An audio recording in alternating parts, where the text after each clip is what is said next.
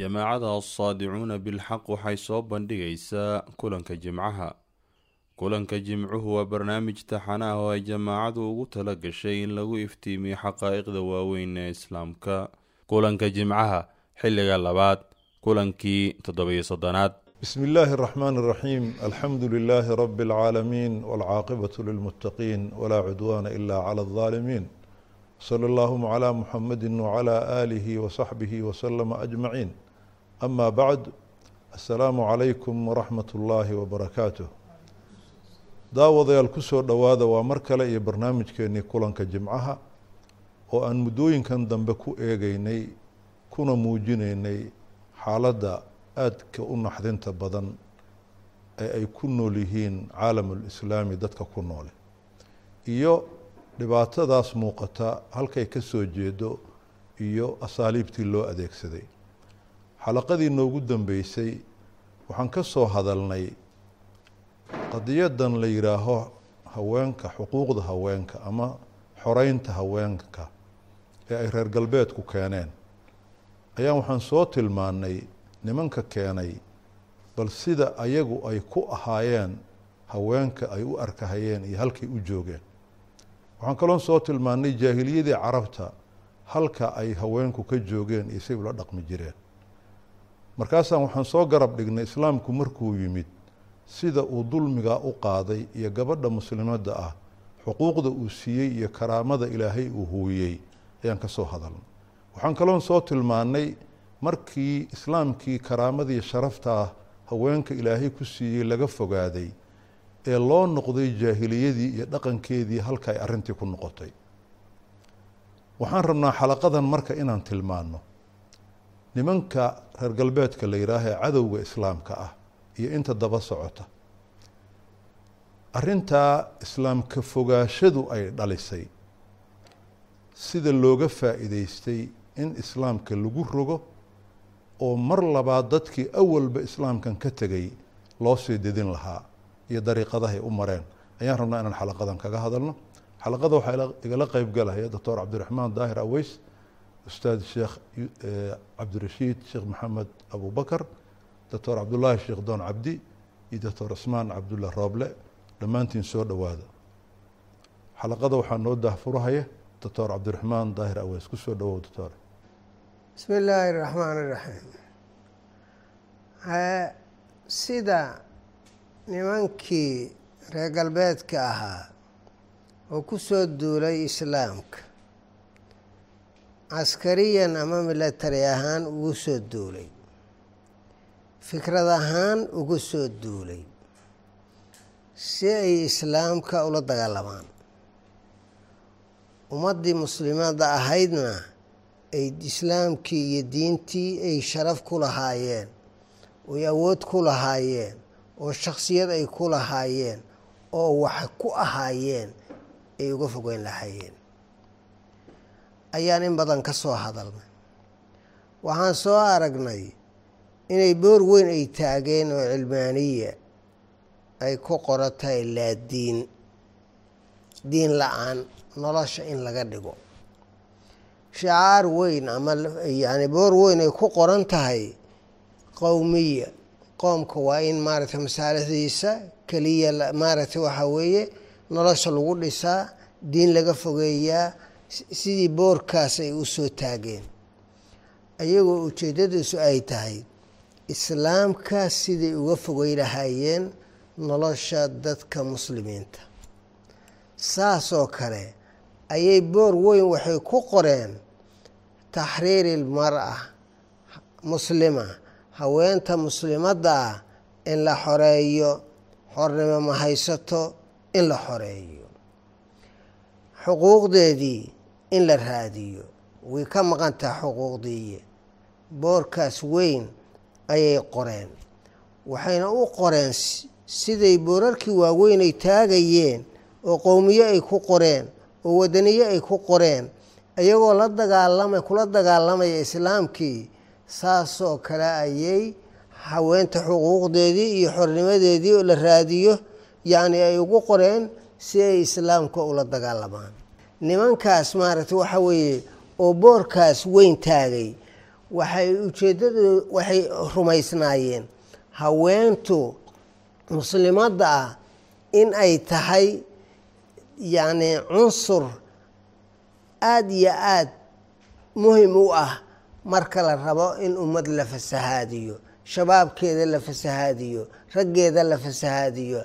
Haddii iyada gacanta lagu dhigo tacliin ahaan loogu dhigo thaqaafo ahaan loogu dhigo wixii ay rabeen ay ku shubaan oo ay ka dharjiyaan inay ay soo bixiyaan ay soo saaraan mujtamacii ay ku soo daayaan guryihii ay ka soo bixiyaan mujtamaciina lagu sii daayo inay door weyn ka cayaarayso dadka fasahaadintooda iyo ka fogeynta diinta laga fogeynayo anshaxoisa laga fogeynayo akhlaaqiyaadkiisa laga fogeynayo.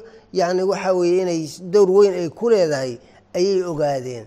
Sidaas darteeda markay yimaadeen waxay ku baaqeen qarnigii sagaaliyo tobnaad qaybihii ugu dambeeyey markay yimaadeen ayay waxay ku baaqeen inay madaaris furaan inay kuliyaad furaan inay baaruud ka furaan yani lebnaan ka furaan suuriya inay ka furaan masar inay ka furaan suudaan inay ka furaan afghanistan ka furaan maqrib alcarabi. Xarumihii islaamka inay ka furaan. Taa ayay maaragtay bilaabeen. Marka ay bilaabeen yani waxa weeye tacliin ayay u fureen wiilashii iyo gabdhihiiba. Waxay aada iyo aada ihtimaamka u siiyeen oo diiradda u saareen iskuulaadkii gabdhaha iyo kuliyaadkii iyo tacliintii gabdhaha la tacliiminayey si loogu shubo waxa ay rabaan ugu shubaan ayay ihtimaam weyn ay saareen ayagoo ka duulaya saameynta ay ku yeelan karto mujtamaca iyo shabaabka fasaadintooda ku yeelan karto. Waxay maaragtay waxa weeye ay aada iyo aad madarasadii ku taalay bayruud ayay diiradda u saareen. Suuriyay diiradda u saareen. Qaar ayaa ka mid ah wuxuu leeyahay nimankii mustashriqiinta ahaa ama maaragtay waxaa weeye dadka kiristaameynayey waxay leeyihiin yacni madarasadaas ayaan aada iyo aada isha ugu haynaa sababto ah waxa weeye mustaqbalka suuriya ama shaam wuxuu ku xiran yahay najaaxa ay najaxdo madarasadan oo ay ku najaxdo tacliinta gabdhaha ay tacliiminayso haweenka ay tacliiminayso saas mustaqbalka suuriya iyo shaam oo dhan ayaa ku xiran.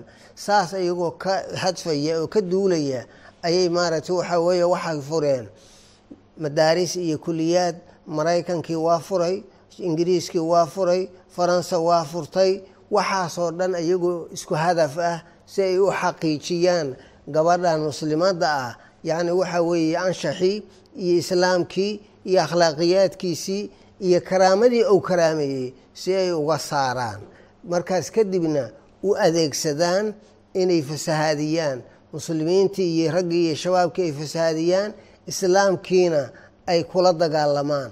Taa ayay gudagaleen yacni waxay fureen madaaris oo kuleej ah oo daakhili ah oo maaragtay subixii kuwa aan la aadaya kuwa aan ahayn laga soo noqonaya kuwa aan ahayn oo meesha ay joogayeen oo ku noolaanayaan si ay fursad ugu helaan haweenkii iyo raggii macalimiinta ahaa iyo macalimaadkii oo rabay inay kiristaameeyaan gabdhahana kiristaameeyaan yo fursad ugu helaan habeenkii ay u helaan maalintii ay u helaan in badan ay ula noolaadaan. Yacni waxa weye dad badan ayaana geystay. Gabdhahaasina waxay u nasab sheeganayeen. Yani niman madaxa baashawaad ah bakawaad ah ayay maaragtay waxa ay u nasab sheeganayeen.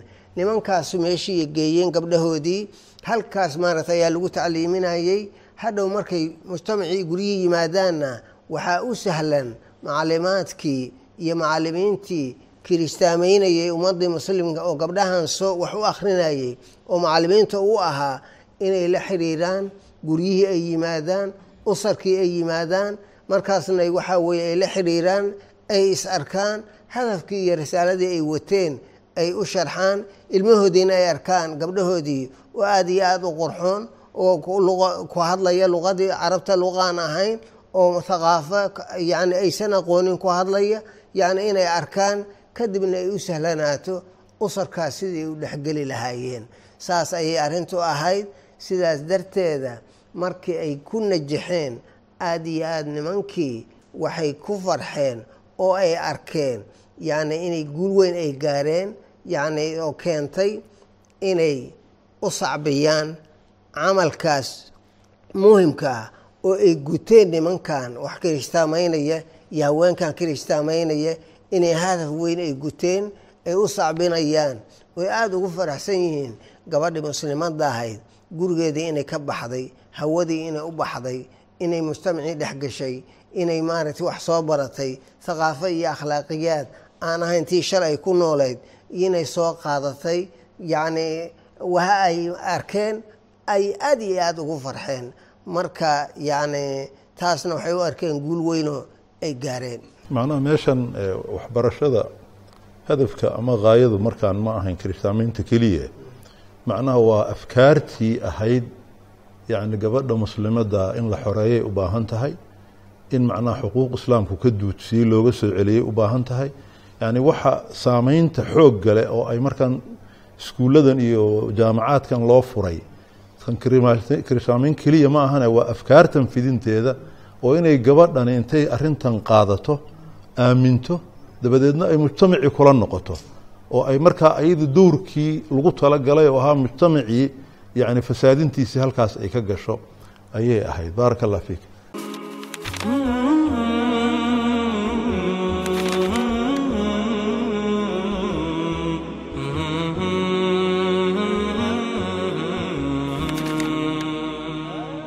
bismi illaahi raxmaan iraxiim runtii in la keeno caalamkii islaamka fikradahan haween baa la xureynaa ama haween baa maaragtay xuquuqdeeda loo soo dhicinaya wax loo heli karo qiil ama sabab keenta meeshaan macaalin ee arrin loogu talagalay in lagu lagu guto arrimo gooni oo la watay ayay ahayd.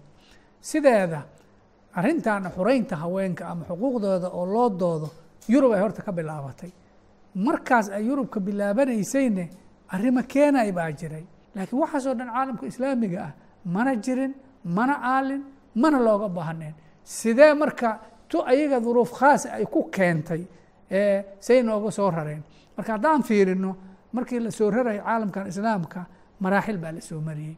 Marxaladii ugu horeysay warkaasba sheekadaas qoladii ugu horreysay oo keentay waxay aheeday duulaankii faransiiska masar uu ku soo qaaday dhammaadkii qarnigii sideed iyo tobanaad oo naboleon bonabarti ninkii la dhahay uu hogaaminayey masar dhowr sano haystay. Ayaa askartii faransiiska oo masar timiday haweenkoodii bay keeneen. Waxaa loogu talagalay magaalada qaahira iyo magaalooyinka masar jidadka inay haweentii ninkii haweentiisii oo qaqaawan gacanta haysta oo jidadka ma aragtay iskula faracayaaraya dersi in lagu tuso haweenkii muslimaadka ahaa oo xishoodka badnaa oo xaraa'irta ahaa. Xad waxaa ninka la yihahda cabdiraxmaan aljabarti kitaabkiisa uu qoro cajaa'ib alaathaar fi taraajumi walakhbaar oo goobjoog u ahay faransiiska markuu meesha yimide ka taariikheeyey. Waxyaalahu sheegay waxaa ka mid ahoo la yaab kale haweenkii askartii fardahoodii inay fuulaan oo loogu talagalay inay magaalada qaahira ku or ordaan oo haweenkii kaloo ma aragtay masaaridee soo baxa saasoo kale yeela ay yidhaahdaan xad waagaas baabuur ma jirine gaari faras baa la fuuli jiray. Gaarigii intay kiraysato ay fuusho oo ninkii maarata masaaridahoo hogaaminayay ay isla fara cayaaraan. Halkaas waxyaalahaasuu meesha ku qoray ayuu markaasu weliba wuxuu ku darayaa haweenkii kuwii daciifka ahaa oo markii horeba mujtamaca kuwii ugu liita ahaa akhlaaqda inay ku daydaan oo markaa ayagana ay soo baxaan oo xataa faransiiskii iyo xerooyinkii askarta ay tagaan oo halkaas ay ka bilaabato fasaad uu ka bilowdo halkaasaa laga soo bilaabay. Qoladaas markay tagtay fasaadka qeybtii ku xigtay waxaa sameeyey maxamed cali baasha iyo owlaadiisii oo masar markii faransiiska laga ceyriyey qoladii qabsatay ahaa oo furay iskuulaadka. Sidoo hadda doctor cabdiraxmaan sheegayey gabdha la furay oo weliba waxa gabdhahaas wax udhiga ay yihiin gabdhi haweenka soorooyinka la yihaahdo oo maaragtay kirishtaanka oo dhaqankii reer galbeedka iyo wixii oo dhan ku anqaliyey sida ustaad cabdiraxmaan hadda uu sheegayey marxalay aheeday waxaa ka sii darneeday markii dambe uu ingiriiska qabsaday masar oo taba uu la yimiday kaba sii xeel dheer tabahii faransiiska iyo ay samaynayeen oo ah niman masaari oo wadaniyiin ah. Laftoodii in loo dhiibo afkaartii reer galbeedka haweenka ay ugu talagaleen wax baan xoreyneyna ay yihaahdeen oo waxaa la og yahay ninkii qaasim amiin la dhahayey oo faransiiska wax lagu soo baray markuu soo noqday waa kitaabkii taxriir ilmar ah. Ninkii kutub ka qoray oo ugu horeeyey ayuu ahaa oo wax lala yaabay meesha keenay. Waxaa ka sii darneeday markii halgankii xurnimadoonka masar uu bilowday dadkii laga dhigay inay wadaniyiin ma garatay oo halgamaya ay yihiin. Iyagana inay afkaarti faafinteeda ay bilaabeen. Oo ugu caansanaa ninkii sacdi sakluul la dhahayey oo isaga haweentiisii safiya sakluul ay kuwii ugu horeeyey oo xataa meeshaan hadda lagu magacaabo qaahira meydaani taxriir meeshii xoreynta haweentii xijaabka inta siibtay gubtay haweenkii kalena soo aruuriso meeshaan ku xorowna tiray ay hogaaminayeen duruus waxaa weeye la dhigayey oo intaasoo dhan waxay aheeday haweenka maaragtay muslimaadka ah warkan si loo geliyo. Waxay soo socotaaba taas waagii horay bay ahayd. Waxaa hadda qarnigii labaatanaad dhammaadkiisii markii la sii marayey arrintii waxayba noqotayba in shirar caalami ah la qabto oo looga hadlaya xuquuqda haweenka oo sinaanta iyo ragga iyo haweenka. Oo laakiin waagaas wixii laga hadlaya inta laga soo tegay hadda shirkii la qabtay kun sagaal boqol iyo sagaashan iyo afartii lagu qabtay qaahiro lafteeda lagu qabtay oo lagaga hadlayay arrimo xuquuq haween lagu magacaabay oo ay ka mid tahay haweenta ilmaha inay iska soo ridi karto. Arrintaasna arrin lugta kula weeye. Haweenka maadaama fisqi iyo maaragtay fasaad ay galeen wixii maaragtay uur ahoo yimaadana xaq inay leedahay inay hore iska sii riddo si hawsheeda u sii wadato xaq in loo siiyo si aysan arrintan ugu noqonin arrin zinadii iyo waxay rabeen inay faafiyaan hor istaagto oo ay ka mid tahay laba haween in isguursan karaan laba ragga isguursan karaan oo ay ka mid tahay canug ilmaha yaryarka ah iskuulaadka iyo dhiganaya haddii falfalxumo ay sameeyaan maaragtay in waalidkood uusan ciqaabi karin uusan la hadli karin oo xor yihiin si ay zinada iyo fisqiga ayagoo yarba u sii bartaan. Aabbihii awlaaddiisa waxaasoo kale u diidane in la ciqaabo isaga dembiila uu noqdo waxyaala waxaa ka mid ahaa canuga maaragtay zina ku dhasha oo aan guur ku dhalanin in canug la xuquuq yahay midka maaragtay usro muxtarama ku dhashay nikaax xalaala ku dhashay inay isla mid yihiin oo aan la faquuqin aan la faquuqin. Waxaasoo dhan baa caalamkii islaamka maaragtay uu ka tali jiray dhexdiisii qaahire i looga shiraya. Shirkaas kii ka sii dambeeyo isla sannadkii ku xigay la qabtay sagaashan iyo shantii bakiin lagu qabtay oo sii tixraacidda waxaa sidii loo fuli lahaa looga hadlayay. Sanadkii haddana sagaashan iyo sideeddii qaahiradii lafteeda ayaa haddana waxaa lagu qabtay mid intii ka sii daran oo wixiias haddii marka arrin shalayti haweena xuquuqdeeda loo soo celinaya ahayd laakiin waa loo jeedaa maanta. Meelay sii gelaysa haweenka xuquuqdoodii iyo xoriyaddoodii baaraka allah fiik. Ustaad doctor cabdullahi bismi illaahi raxmaan raxiim horta sida walaalaha ay ka sheekeeyeen nimankan adduunka mu'aamaraadka iyo dhagarta u degay oo gaalada ah oo reer galbeedku ay hogaaminayaan waxaa weeye howlahan oo dhan ay wadaan hadafkoodu sida hadda la sheegay ummadda islaamka diinteedii iyo khadkeedii in looga saaro ayaa hadafka aasaas ahaa si ay taas ay u gaaraan waa tii iskuullada iyo madaarista maalihii islaamka saldhigga u waa kuwii furay. Maxaa yeelay feker haddaad rabto dadkii fekerkan fuli lahaa inuu fekerkaas ku hirgalo haddaad rabto waa inaad samaysataa dadkaasoo weliba xambaarsan waxa aad adiga wadato wax ka soo horjeeda kulligeed wadato. Marka islaamka in laga muxuu ahaa caalamulislaami in laga hirgeliyo mabda aan dhahaya xuquuqda haweenka hala suurtogeliyo ama taxriiri lmara ma ku imaanin arrin yaroo hal mar dhacday ama faj'a ah kuma imaanin. Bal waxuu ahaa baleen iyo qorshe fulintiisa marka laga muxuu ahaa howlgelayey ka hor wax badan la soo taqdiidiyey oo la soo baleemiyey oo hadda waa kuwa walaalahay ka sheekeeyey doctor cabdiraxmaan iyo doctor cusmaan waa kuwa ka sheekeeyey ama iskuulladii la furay. Ha noqoto iskuulladaas caa'idkii dadkii ka soo noqday oo la cabsiiyey afkaarta reer galbeedka oo ku aadan in haween la xoreeyo. Haween haddii la xoreynaa sida hore loo sheegay oo ay dhab tahay ayaga in laga xoreeyay ahayd ma ahane? Ayagu inay xoreeyaan maba ahaynba. Inay soo qaadaan hataa xoreynteedi ma ahayn. Laakiin dad la bedelay oo la dhaqan gediyey wey. Marka markii sana muxuu ahaa kun sagaal boqol iyo maaragtay kun sideed boqol iyo sagaashanki iyo wixii ka dambeeyey iyo wixii ka horeeyey xataa qeybo kamida muqadimaadkaas markii la soo suubiyey oo sidaa loo soo wado iskuuladii muxuu ahaa maaragtay la furay oo ayaga dad badan la diray oo yurub loo diray faransiiskuba ha u badnaado. Waxaa soo baxay dadaa soo baxay. Dadkaa soo baxay iyo dadkii hawsha waday waxay ka shaqeeyeen dadkii islaamka ahaay in maalin walbaba laga dhaadhiciyo fikir ku aadan haween in la xoreeyo. Maalin walbaba qeyb laga dhaadhiciyo. Maalin walbaba ilaa ay dadkii maskaxdoodii ay ka buuxsantay in mabda aan xoreynta uu yahay mabda xaq ah oo meel looga noqdo aysan jirin.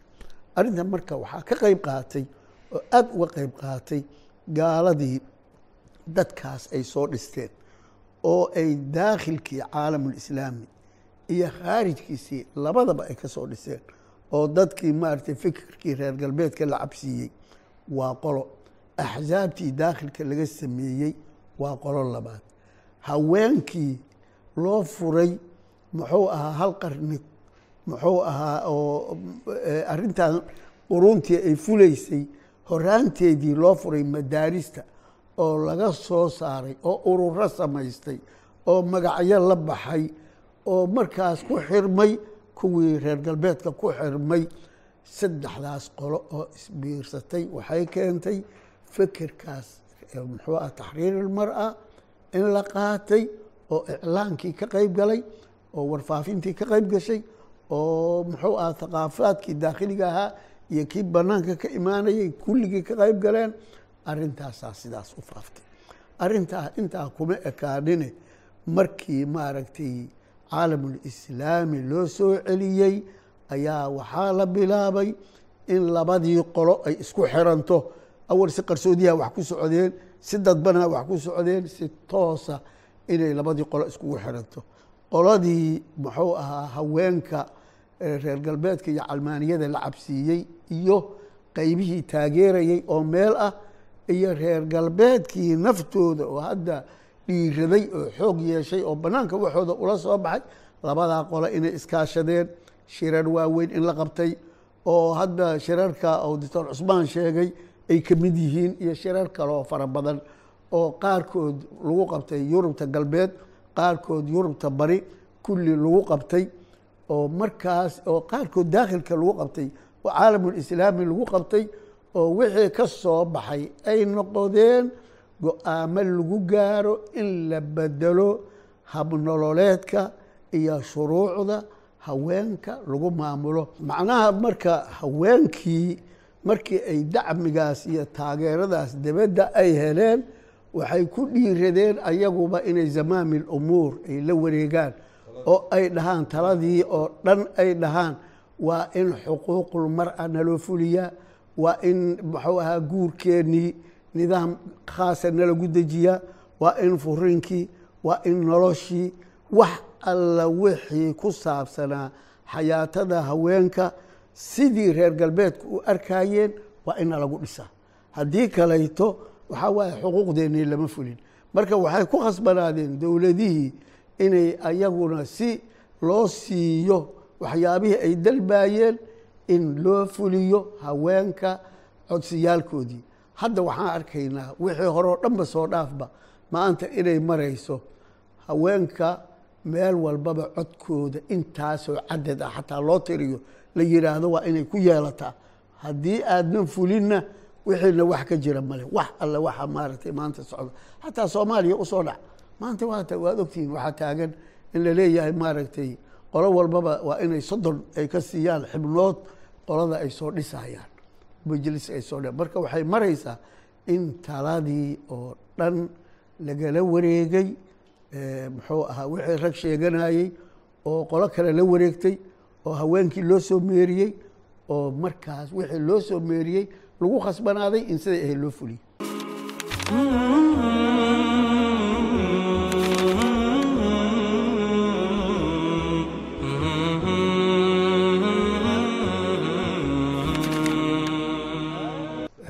bismi illahi raxmaan raxiim sida walaalaha ay soo sheegeen waxaan shaki ku jirin hadafka macnaha reer galbeedka u socdaan.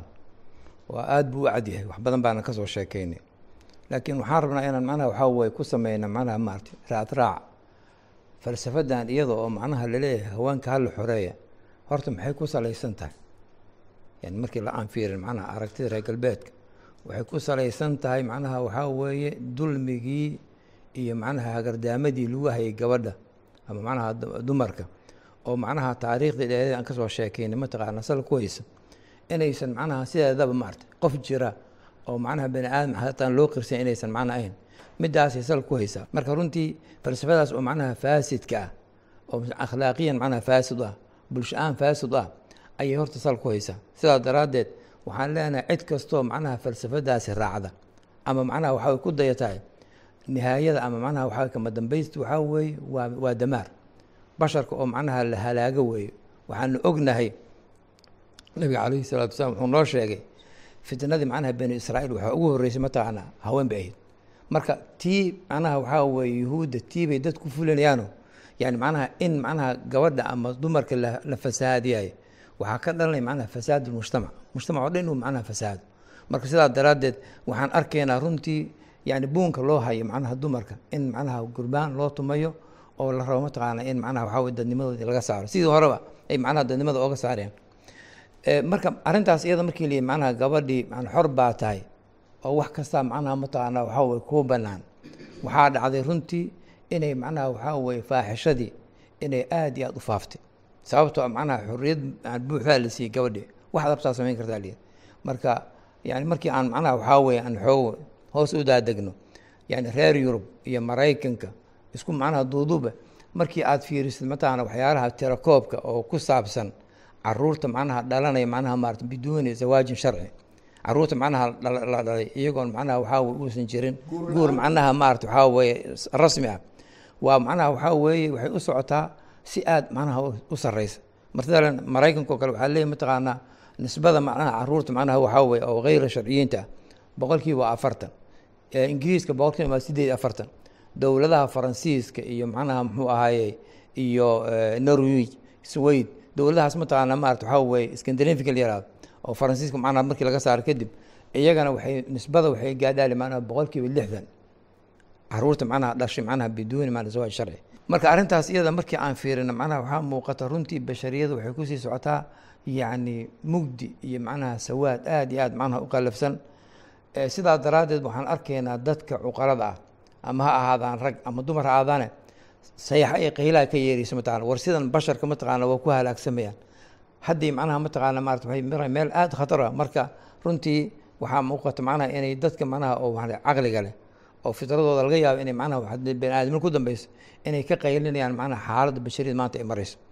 Waxaa jirta macnaha gabar macnaha almaaniyad oo soo islaantay jarmal ah ha jarmal ah waxay leedahay waxaan aada ooga xumahay in macnaha oon aada ooga xanuunsanaya walaalahay oo ragga macnaha iyo walaasha macnaha marta iyo dumarka inay macnaha daba socdaan wixii mataqaanaa aniga aan ka soo cararay oo macnaha reer galbeedka nolosha ku noolaayeen inay moodayaan hadda ilbaxnimo. Marka runtii yani waa aada iyo aadba waxay u tilmaamaysaa inay habboon tahay inay qiyamtoodii iyo diintoodii inay macnaha ilaashadaan inay aada iyo aad u habboon tahay. Markaasaas hadal waxay leedahay tacbiira mataqaana islaam la'aan macnaha waa in lagu noolaadaa macnaha jaxiimo oo joogto ah. Waana xaqiiqatan waxay ka tarjumaysaa aayaddii qur'aankeyda waman carada can dikrii fa ina lahu maciishatan dankan wanaxshuru yowma alqiyama yacni qofkii ilaahay ka leexdo tibtiisa horta macnaha inuu naar iyo noolal macnaha ciriir ku jira ilaah baa noo sheegay. Laakiin gabadhaas macnahaasay tilmaantay. Sidoo kale nin dictor oo macnaha maarata henry macul yara isaga naftiisa wuxuu leeyahay oo maraykan wey ninkaas wuxuu leeyahay oo macnaha wuxuu mutakhasis ku yahay macnaha fi shu-uuni macnaha alusar fi shu-uuni almara wuxuu leeyahy ninkaas arrintan oo macnaha haweenka hal xoreeya la leeyahay waa arrin macnaha maarata oo khidca oo loogu talagalay khiyaanaha oo dadka macnaha maarata waxaa weye gaar ahaan dumarka oo maraykanka in macnaha lagu khiyaano. Sababtana waxaa waxaan ka dambeeya waa nidaam alcaalam jadiid. Macnaha waa nidaamkan cusub ee la rabo caalamka hal meel in looga taliyo oo mabda macnaha keliya macnaha ay ku socdaan iyo dhaqan keliya. Marka nimankaasa waxaan ka dambeeya maane wax arrintan iyada mataqaana u cunama ma aha buu leeyahy mataqaana macnaha dumarka. Sidoo kale gabar kalenta iyada macnaha warkaasay leedahay oo macnaha marta maari la yihahdo waxay leedahay yani macnaha waa dadka waa la simayaa la leeyahay ragga iyo macnaha dumarka la simaya macnaha waa maaragtay yani waa dacwo oo macnaha aad iyo aad u khaldan weye sababtoo ah ragga iyo dumarka ji- maxaa u dhexeeya furuuq oo macnaha maaragtay oo psychologiyan macnaha oo biologiyan macnaha ma dad dad macnaha isku macnaha wadaa'iftooda isku mid tahay ma aha. Marka gabadhii mataqaana waxaa weeye uur bay qaadi macnaha way dhali waxaasoo dhan mataqaana iyadoo macnaha maarata waxaa weeye u taalla yaa haddana shaqadii ninkii inay macnaha maarata shaqadii la qabata la rabaa. Marka waxaan shaki ku jirin waa qofka dumarka ah macnaha nolosha reer galbeed ku nooshahay waa macnaha waa aad iyo aad baa loo baabiyey sidoo kale waxaa macnaha la yaab leh gabadha saas u rafaadayso xagga macnaha mushaarka iyo macnaha waxaa weeye raatibka la mid ma aha maaragtay ninka.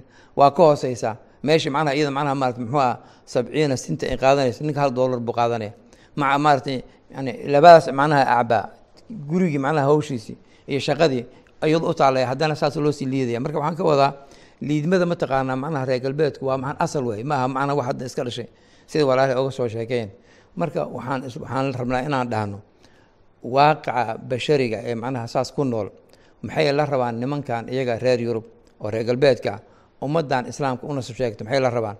Inay tubtoodaas macnaha maaragtay raacaan oo ilbaxnimo looga dhigo wax hadda iyaga ay ku soo hoogeen in ilbaxnimo looga dhigo. Marka runtii waa nasiib darro in macnaha dadkii mataqaana waxaa weeye cabay thaqaafadaas ama aqoontaas inay u hanqaltaagayaan maarata waana meel runtii iyaga dadkii macnaha maaragtay reer galbeedka naftooda ay ka qaylinayaan yani sayxaatu alkhatar walxadar bay muujinayaan laakiin dadkan macnaha indhahala oo macnaha le mataqaanaa ilbaxnimada waxay ku jirtaaba thaqaafada macnaha reer galbeedka inaan qaadan mideeda xun iyo mideeda macaanba oo macnaha aynagu indhala aan saa u qaadan. Marka waxaan shaki ku jirin inay dad yani dan macnaha naftigooda dad lagu shaqaysanay inay yihiin macnaha ayaa muuqata aysan in xataa macnaha dad muqafaliin ma aha.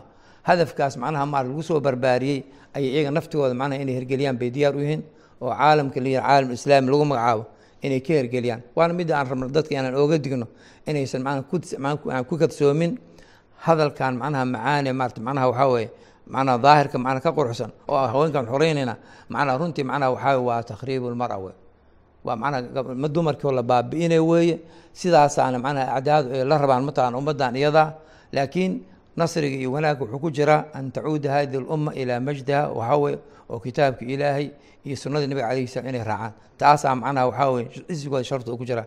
Laakiin mar mataqaana waa ku sii baaba'ayaan maane lagama yaabo inay gargaar iyo nasri ku he- ku helaan. Baaraka fiikum. Eh, eh, daawadayaal eh, arintan ku saabsan xoreynta haweenka ama xuquuqda haweenka sababta ay reer galbeedku u abbaareen waxa weeye bulshada ilaahay subxaanahu wa tacaala wuxuu asal uga dhigay waxa weeye qoyska.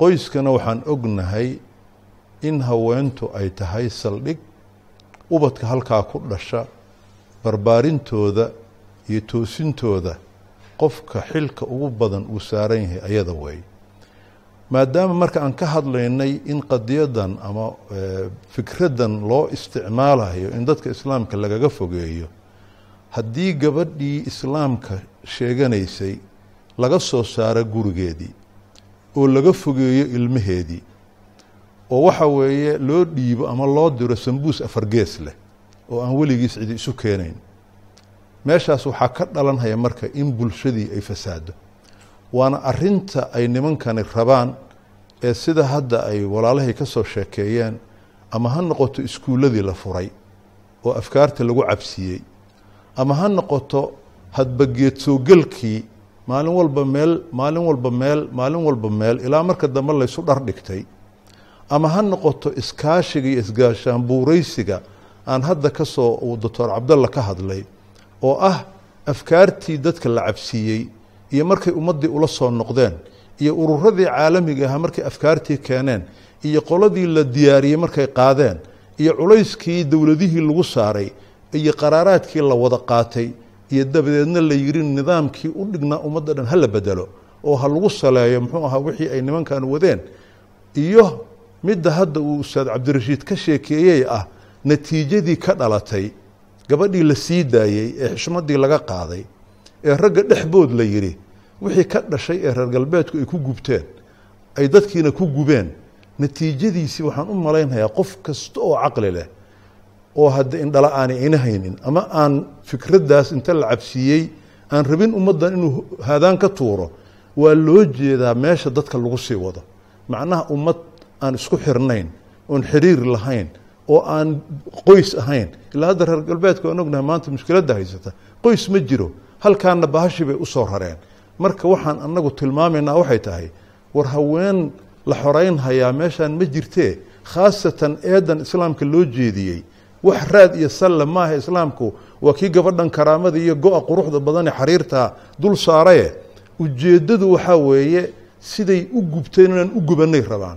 Dabadeedna aan weligood ayaga daba nashnayno oo aanaan marna u laabanin meeshii karaamada iyo wanaaggu uu jiray annaguna midaasoo midda aan leenahay war yaan lagu sirmin oohinta orgiga ka weyn meeshaan gabar la xoreynhayaa ma jirtee diintii baa la rabaa dadku inayna weligood kusoo noqon oo ay ka fogaadaan marka daawadeel waxaan leenahay intaan xalaqo kale ku kulmayno assalaamu calaykum waraxmat ullaahi wabarakaatu هذا بلاغ للناس ولينذروا به وليعلموا أنما هو إله واحد وليعلموا أنما هو إله واحد وليذكر أولو الألباب